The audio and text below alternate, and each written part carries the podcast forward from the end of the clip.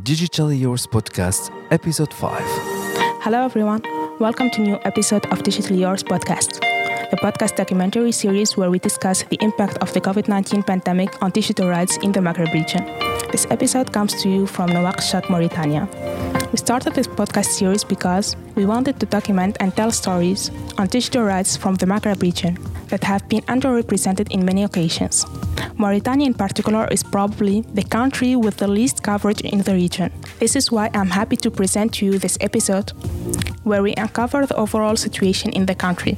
We tackle the connectivity issues, recurrent internet shutdowns, the state of digital rights and internet freedoms, and the repressive laws and prosecutions in relation with disinformation. With no further ado, let's start the conversation. Now I'm joined with Ahmed Jetou, a Mauritanian journalist and political activist.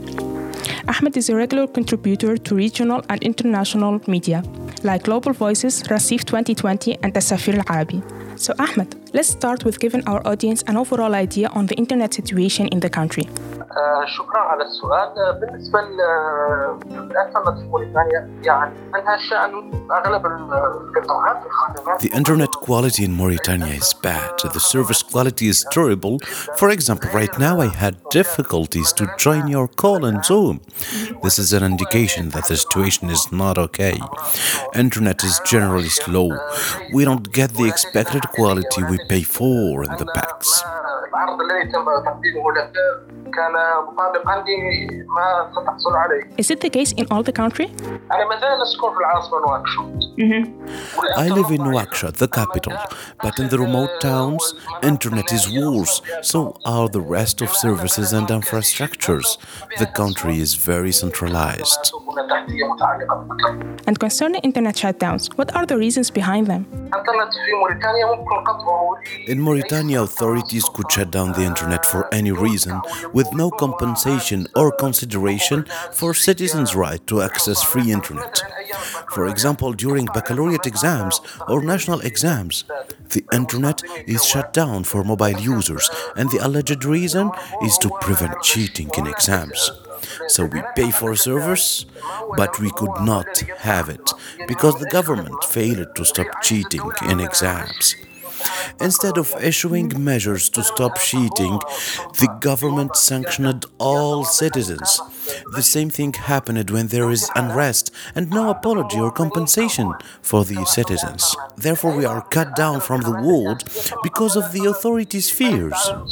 والسبب أن هناك أعمال شغب وبعدها لم يعوض المواطن آه، ولم يتم اعتذارهم حرمان من الإنترنت وإخراج من العالم من أجل التخوفات لدى السلطة. إشكال لحد الآن غير مفهوم بالنسبة للجزائر هي مثلا حدث انتخابات حدث احتجاجات على بعض النتائج الانتخابات.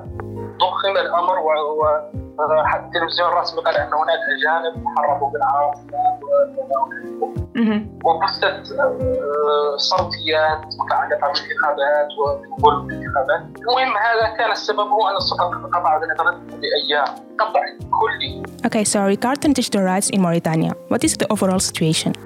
بخصوص آه، حقوق آه، رقميه السنه الماضيه 2020 آه، السلطات On أصدرت digital rights status, last year authorities announced the new law after the parliament approval to fight disinformation. A vaguely relative law worded like publishing false information and national security breaching on social media and generally on internet are highly fined and severely imprisoned for long duration. We have bad service quality and authorities laws to curb the freedom of expression through intimidating people. حبس مرتفع والسجن مرتفع آه، على النشر على شبكات الاجتماع على الانترنت بشكل عام Tell us more about these laws. Did we observe prosecutions based on them?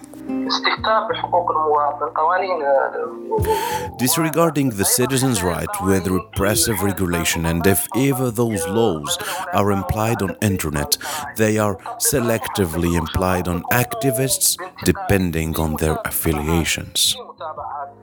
أحيانا لا تصل القضاء توكلات على صدر القضاء النشر أحيانا لا تصدر لا تصل إلى مرحلة المحاكمة. وأحيانا أيضا تصل على إلى مرحلة المحاكمة ويتم فيها أحكام.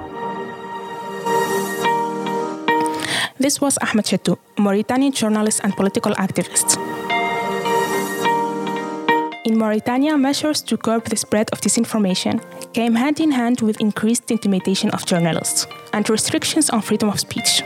Internet shutdowns remain recurrent, adding a heavy burden on internet users, depriving them from internet accessibility, in addition to digital divide between regions. Speaking of obstacles hindering internet accessibility in the region, tune in for the next episode to dive deep into the connectivity challenges in the region, going from digital divide, internet shutdowns, and restricted resources context.